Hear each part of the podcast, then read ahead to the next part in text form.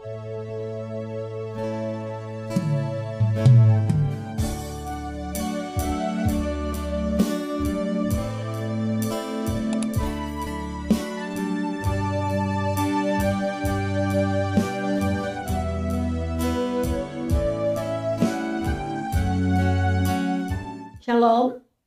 Selamat pagi Bapak Ibu Saudara-saudari yang terkasih, jemaat yang disayang oleh Tuhan Yesus.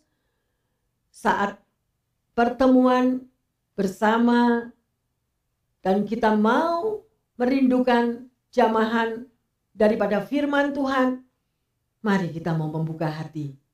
Ya, kita mau pusatkan biarlah Roh Kudus berbicara di tengah-tengah kita dan menjamah setiap hati daripada kita semuanya. Bapak, Ibu, Saudara-saudari yang terkasih di mana pun Anda berada, di dalam rumah-rumah, di dalam setiap kamar, mari kita mau mohon urapan roh kudus boleh menjamah dan menerangi hati dan kepikiran kita. Kita akan belajar pada pagi hari ini, yaitu tema khotbah adalah melakukan kehendak Allah. Ya, jadi apa yang sebenarnya yang menjadi kehendak Tuhan di dalam kehidupan setiap kita. Banyak orang ingin melakukan kehendak Tuhan, tetapi mereka terus bergumul karena mereka tidak tahu dan tidak mengerti apa yang menjadi kehendak Tuhan. Mengerti ke akan kehendak Tuhan itu adalah sangat penting. Mari kita mau belajar, kita mau buka di dalam Efesus 5 ayat 15 dan sampai 17. Karena itu, perhatikanlah dengan seksama bagaimana kamu hidup. Janganlah seperti orang bebal, tapi seperti orang arif. Dan pergunakanlah waktu yang ada, karena hari-hari ini adalah jahat. Sebab itu, janganlah kamu bodoh, tetapi usahakanlah supaya kamu mengerti kehendak Tuhan. Haleluya. Ini adalah satu peringatan buat kita semuanya ya. Oleh karena itu sekali lagi saya mengatakan cintailah akan firman Tuhan. Bacalah dengan sungguh-sungguh karena firman Tuhan itu adalah surat cinta daripada Tuhan untuk saudara dan saya.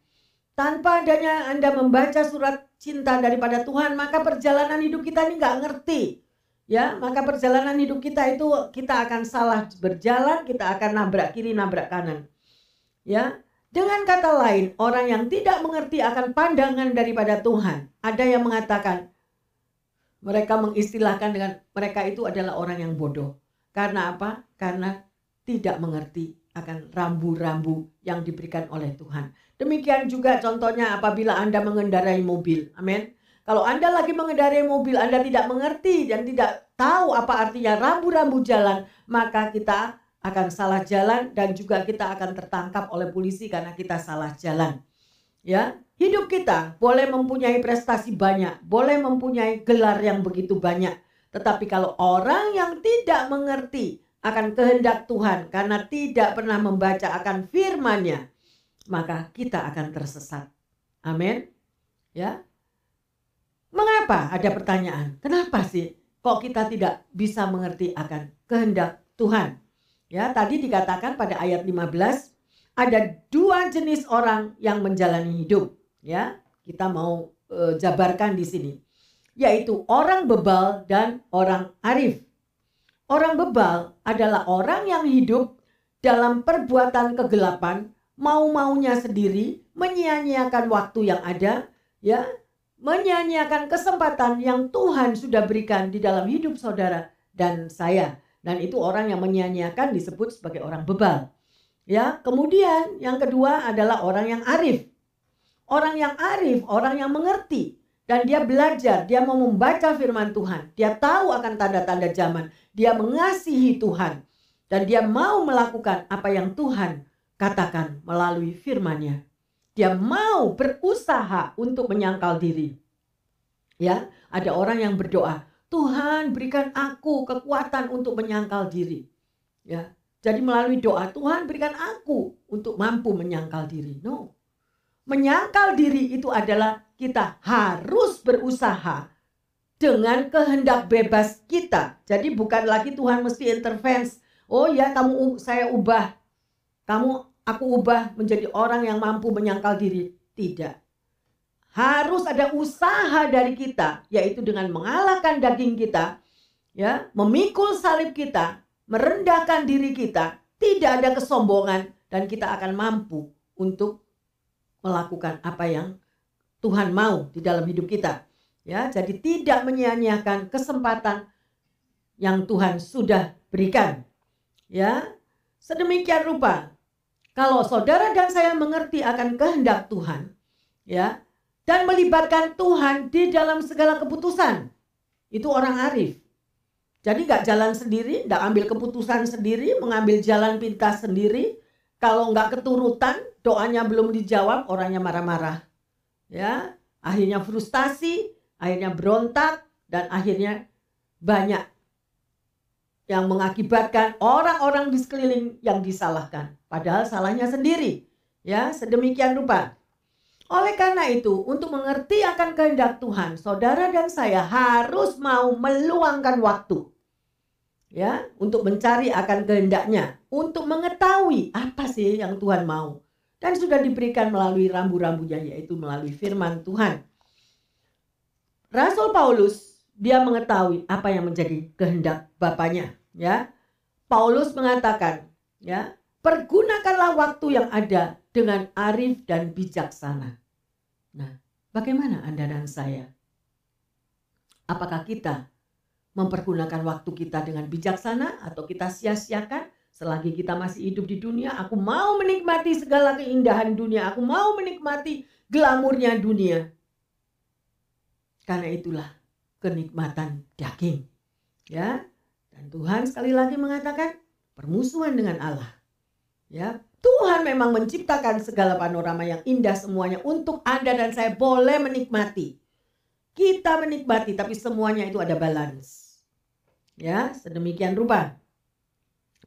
Dan orang yang arif pasti dia akan mempergunakan waktunya mengerti akan kehendak Tuhan. Nah, dengan tanda kutip, mengerti akan kehendak Tuhan adalah sangat amat penting di dalam kehidupan saudara dan saya ya dan sangat amat menyedihkan kalau melihat bagaimana orang membuang-buang waktu dengan percuma dengan hal yang sia-sia.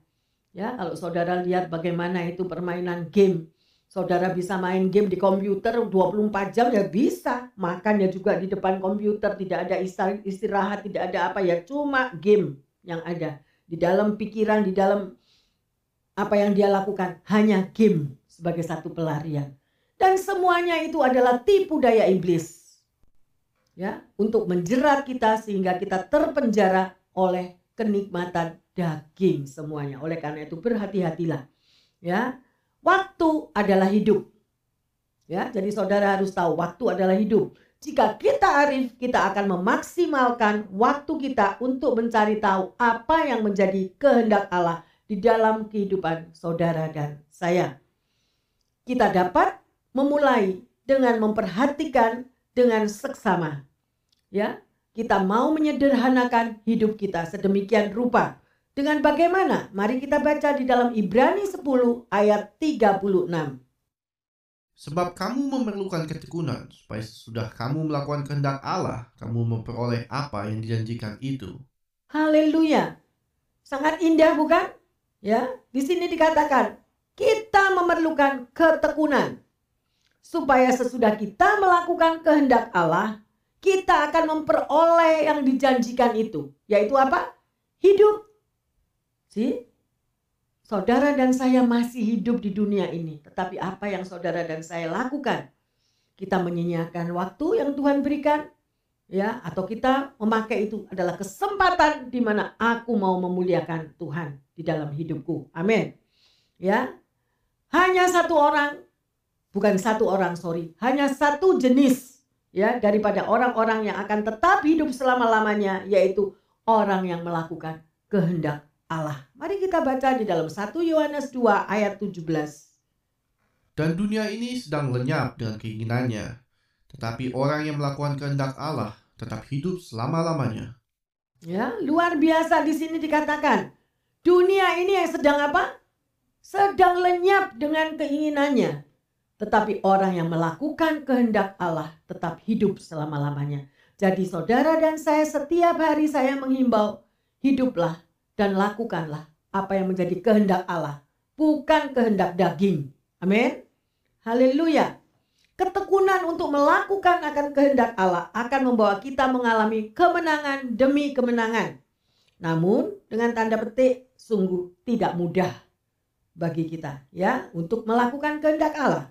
Oleh karena itu, pada kesempatan yang indah ini biarlah saudara dan saya belajar akan beberapa hal yang mendasar untuk membantu saudara dan saya melakukan akan kehendak Allah. Yang pertama, kita harus percaya kepadanya. Ya. Dalam hal yang berhubungan dengan kehidupan ini, kita hanya melakukan perintah dan kehendak dari orang yang kita percayai, ya, kalau itu di dunia ya, sebagai manusia dunia. Saudara dan saya akan melakukan perintah dari orang yang Anda percayai atau bos kita. Ya, why? Karena takut dipecat sama bos. Benar nggak? Kalau kerja nggak benar atau kerja suka-sukanya kita, maka kita akan mengalami hal itu. Namun Allah lebih senang kalau Anda melakukan kehendak Allah karena kita percaya kepadanya. Ya. Bukan karena kita takut kepadanya. Jadi trust in him, ya. Percaya sepenuhnya. Karena Tuhan kita adalah sebagai Bapa yang baik. Ya, dia lebih senang dipercayai daripada ditakuti. Ya. Dalam hubungan dengan seseorang yang memberikan perintah yang seperti tadi, misalnya terhadap orang tua, terhadap guru, terhadap bos dan lain-lain. Ya. Tanda kepercayaan dan ketaatan itu kita lakukan kadang-kadang sebagai manusia hidup di dunia hanya karena takut. Ya, takut kepada manusianya. Tetapi Tuhan nggak suka itu. Tuhan mau bahwa kita trust in Him, kita percaya sepenuhnya karena Dia adalah Bapa yang baik. Dialah yang memberikan nafas hidup bagi saudara dan saya. Amin. Haleluya. Ya, dan sebaliknya, kalau kita tidak percaya, ialah dengan kita tidak taat melakukan kehendak Tuhan. Orang yang hidup dalam ketidaktaatan, dalam pengertian apa pun, tidak dapat disebut orang percaya. Ya, kalau Anda tidak taat kepada Tuhan, ya kita bukan orang percaya kepada Tuhan. Kalau kita percaya kepada Tuhan, pasti kita mau taat kepadanya. Amin. Haleluya.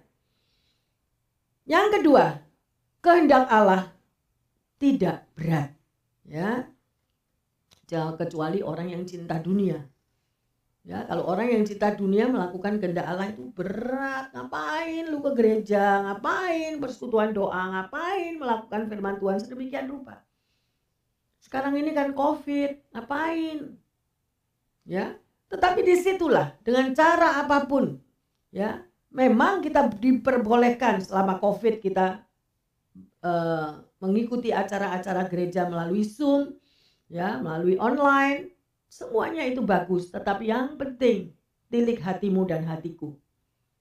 Di mana?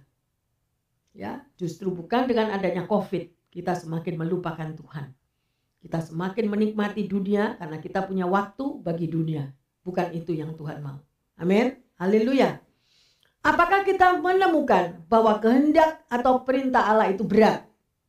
Ayo koreksi diri, ya. Jika kita mengasihi seseorang, pasti kita mau berkorban, melakukan apa saja bagi orang itu. Seberat apa pun masalahnya, semuanya terlihat atau terasa sangat ringan. Ya, dan kita akan penuh semangat untuk melakukan apa yang bila, uh, diinginkan oleh orang yang kita kasihi. Orang yang berpacaran pasti sudah tahu ya. Apa pun jalan berapa kilometer tetap dia akan jalani ya. Sekalipun dengan beratnya dengan panas terik sekalipun akan dia lakukan. Demikian juga kalau anda dan saya mengasihi Tuhan perintahnya tidak akan terasa berat. Karena satu-satunya upah yang kita cari ialah untuk menyenangkan hati Tuhan amin ya seperti yang dikatakan di dalam uh, oleh Yohanes 1 Yohanes 5 ayat 3 Sebab inilah kasih kepada Allah, yaitu bahwa kita menuruti perintah-perintahnya. Perintah-perintahnya itu tidak berat. Jelas sekali firman ini mengatakan, inilah kasih kepada Allah, yaitu bahwa kita menuruti perintah-perintahnya dan perintahnya itu tidak berat. Nah, tapi kalau kita itu sudah condong hati kita akan cinta dunia, ya, untuk berdoa aja udah berat. Untuk bersyukur aja udah berat. Karena hati kita tidak di situ. Ya, karena glamurnya dunia yang begitu memikat. Jadi tidak ada arti bahwa Anda mengatakan aku orang percaya, aku mengasihi Tuhan. Terlihat dari buah-buahnya. Ya, dari perilaku kita. Ya, sedemikian rupa. Sebuah pertanyaan mengenai judul sebuah pujian. Saya teringat akan sebuah lagu lama yang saat dinyanyikan pada waktu saya bertumbuh di gereja waktu itu. Lagu itu berjudul Biarlah kehendaknya yang terjadi di dalam hidupku ya. Dan refrain lagu itu berbunyi kuasanya dapat membuatmu menjadi engkau yang seharusnya. Jadi kuasa Tuhan dapat membuat membuat engkau seperti apa yang Tuhan mau. Ya, kuasa Tuhan ada di dalam diri kita. Darahnya dapat menyucikan hati kita dan memberikan kita kemerdekaan. Sungguh luar biasa. Kasihnya dapat mengalir memenuhi di dalam jiwa kita. Dan akan kita akan melihat bagaimana kebaikan Tuhan itu di dalam kehidupan kita. Sehingga kehendaknya saja yang terjadi di dalam hidup kita. Ya, dan lagu itu sering kita nyanyikan berkali-kali, ya. Kalau kita tahu bahwa kehendak Allah itu ada dan kita sudah melakukan, maka saudara dan saya akan tahu jalan apa yang harus kau tempuh jalan yang mana yang Tuhan mau, yang terbaik di dalam hidup kita. Ya, mungkin saat ini Bapak Ibu Saudara yang terkasih, kita masih bergumul ya untuk mampu mematuhi daripada kehendak Tuhan. Ya, kita bisa melihat contohnya yang luar biasa yaitu pada waktu Yesus mentaati akan kehendak Bapaknya sampai dia mati di kayu salib berjalan ke Kalvari Ya, sedemikian rupa. Mari kita lihat di dalam Matius 26 ayat 39. Maka ia maju sedikit, lalu sujud dan berdoa, katanya, Ya Bapakku, jikalau sekiranya mungkin, biarlah cawan ini lalu daripadaku. Tetapi janganlah seperti yang kukehendaki, melainkan seperti yang engkau kehendaki. Amin. Jelas, ya, lihat. Ini adalah contoh bagi kita yang kita merasa bahwa aku adalah anak Tuhan. Kalau kita memang benar sebagai anak Tuhan, ayo kita baca ini. Apa yang sudah dilakukan Yesus. Ya. Matius 26:39, maka ia maju sedikit lalu sujud dan berdoa. Katanya, "Ya Bapakku, jikalau sekiranya mungkin, biarlah cawan ini lalu daripadaku, tetapi jangan seperti yang menjadi kehendakku, ya melainkan seperti yang engkau kehendaki. Jadi kehendak Tuhan. Sudahkah Anda berdoa seperti itu? Pada Anda pada waktu Anda bergumul melewati waktu-waktu yang berat, Tuhan aku nggak mampu melakukan pekerjaan ini. Aduh Tuhan begitu beratnya, begitu susahnya, takut salah, takut semuanya lebih lagi berantakan. Tapi kita mau melibatkan Tuhan.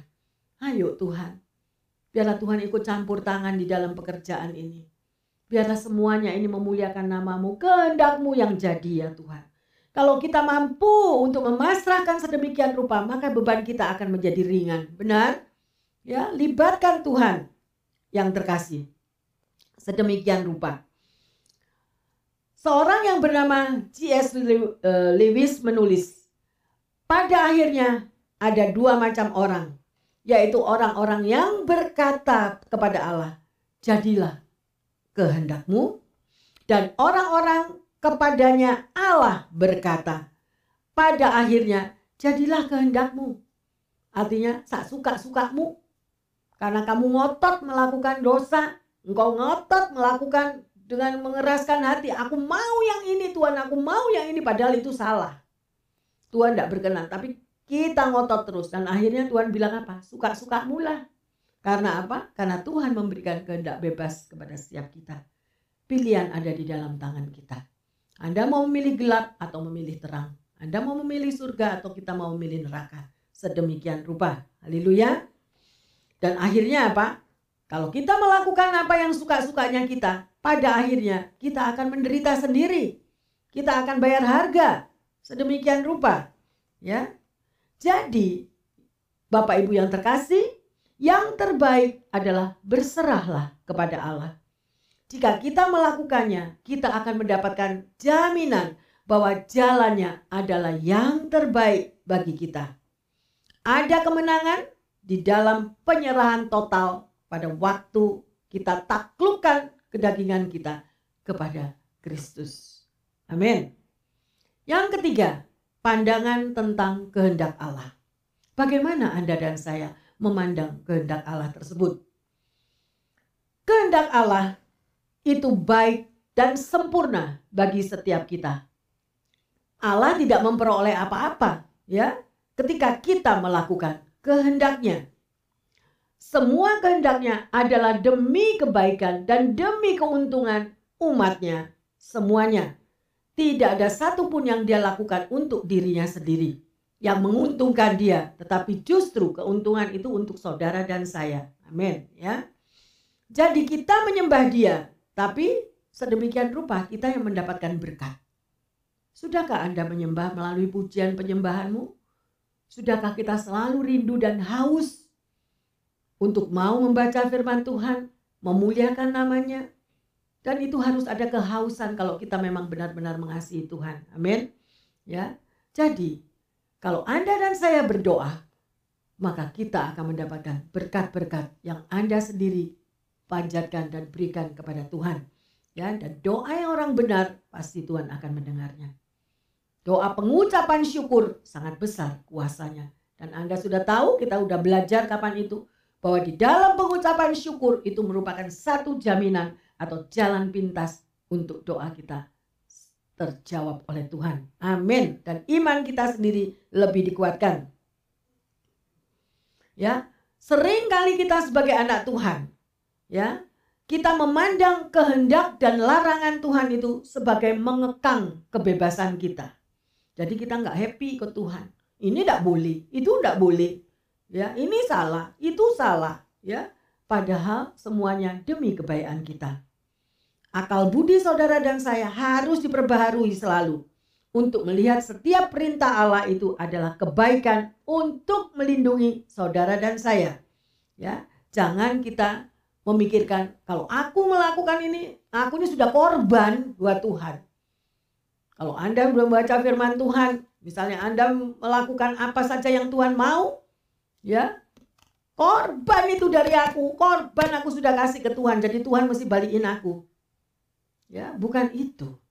Kalau Anda mengasihi Tuhan Yesus, Anda pasti melakukan. Tidak usah diminta atau tidak usah apa pun Anda akan melakukan kehendaknya. Anda selalu rindu mau berdoa, Anda selalu rindu mau membaca firman Tuhan. Amin. Karena dunia tidak akan menyelamatkan Anda dan saya. Ya, lihat tadi bagaimana lawatan Tuhan luar biasa. Yang di sebelah kanan sini adalah malaikat yang memainkan harpa. Yang di sebelah sini tadi adalah malaikat Tuhan yang dengan sangkakala yang besar. Itu adalah peringatan. Ya, tapi barang siapa yang berjaga-jaga dan selalu mau menyenangkan Tuhan dan mau belajar mengerti akan kehendak Tuhan, maka kita tahu apa arti dari semua yang terjadi. Ya, yang harus kita hadapi di kemudian hari. Sedemikian rupa.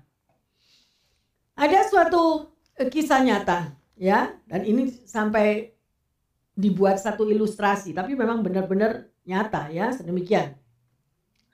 Ada sebuah kapal perang yang lagi ikut serta di dalam latihan perang, ya.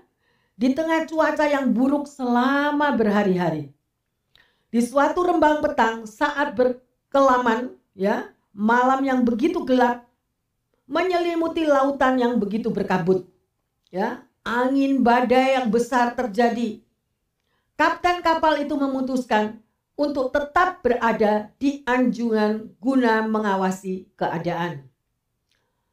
Pengintai di sayap anjungan melaporkan bahwa ada sinar di sebelah kanan kapal. Kapten bertanya, apakah benda itu diam atau bergerak? Pengintai itu menjawab, diam kapten.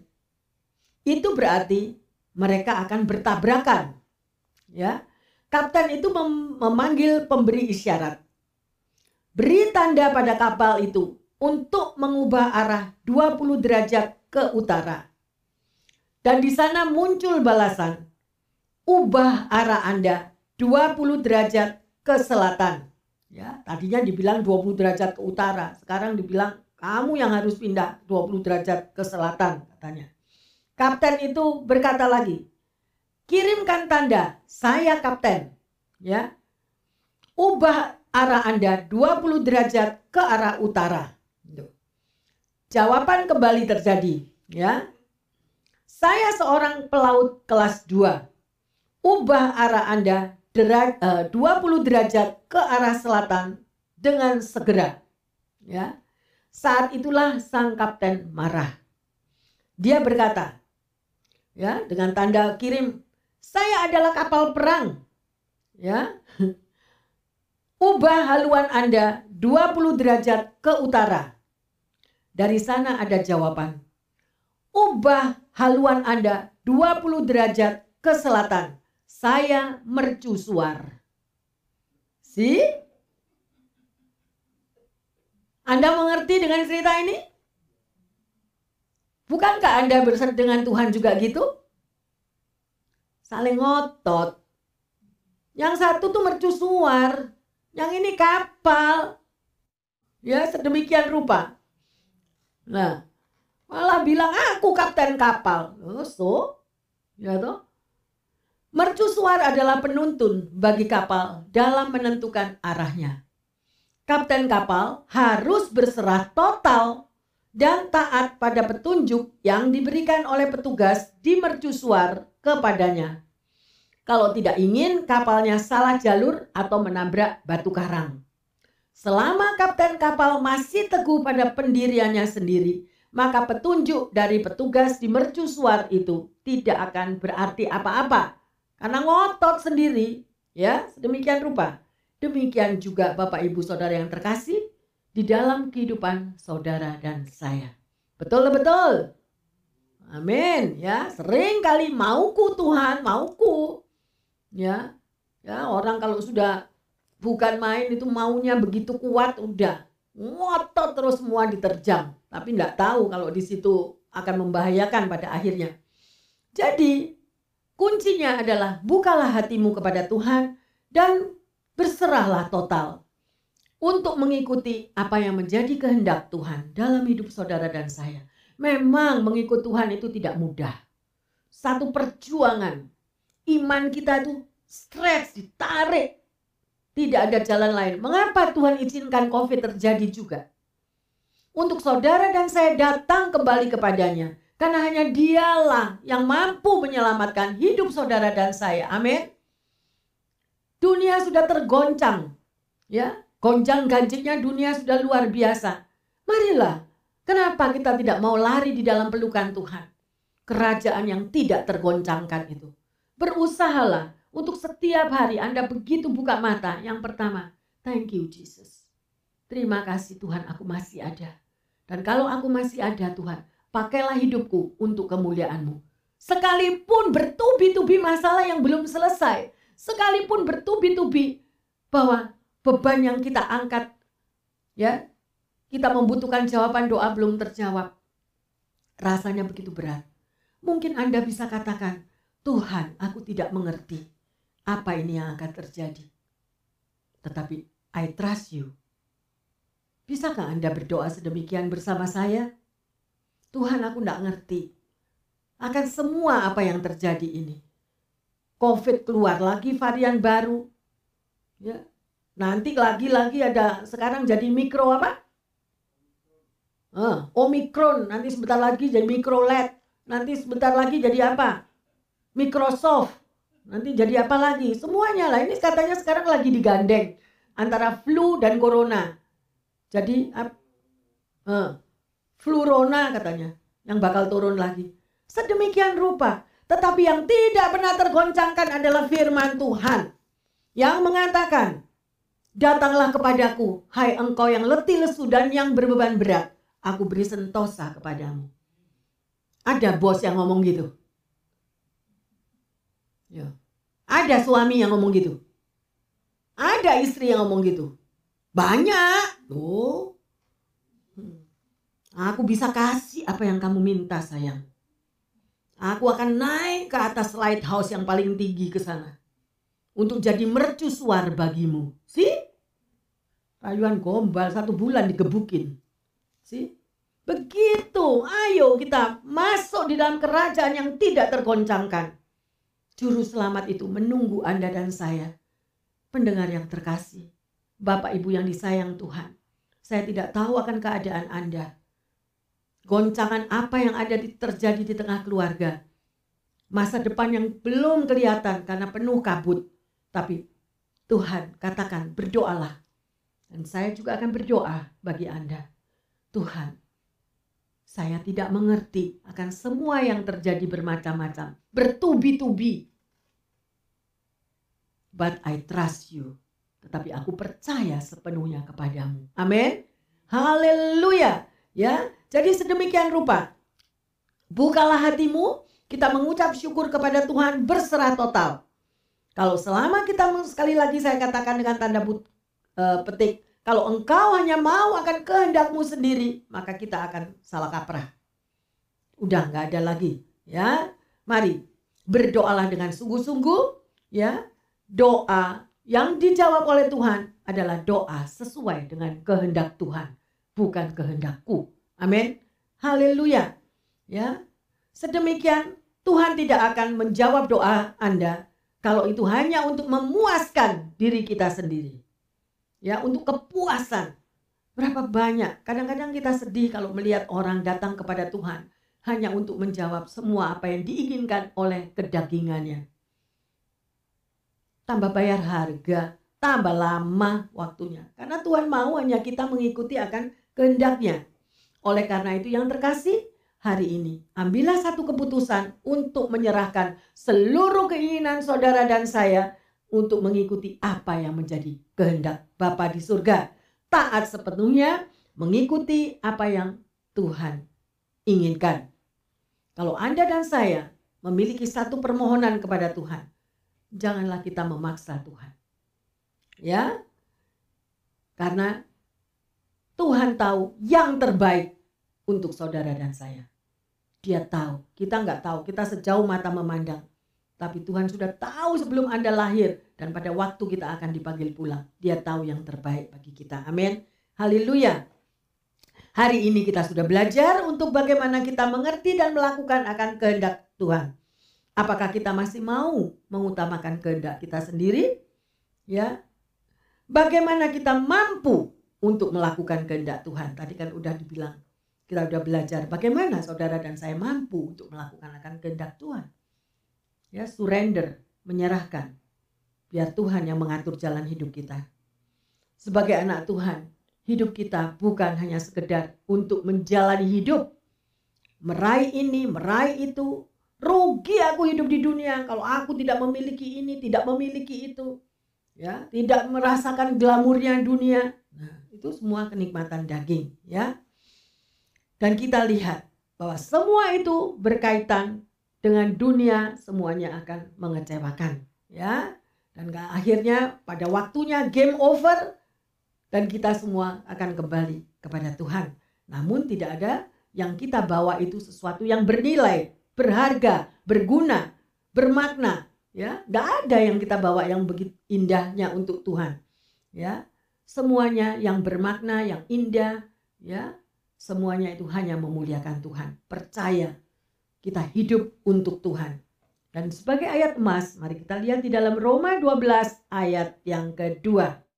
Janganlah kamu menjadi serupa dengan dunia ini, tetapi berubahlah oleh pembaruan budimu, sehingga kamu dapat membedakan manakah kehendak Allah, apa yang baik, yang berkenan kepada Allah dan yang sempurna. Amin.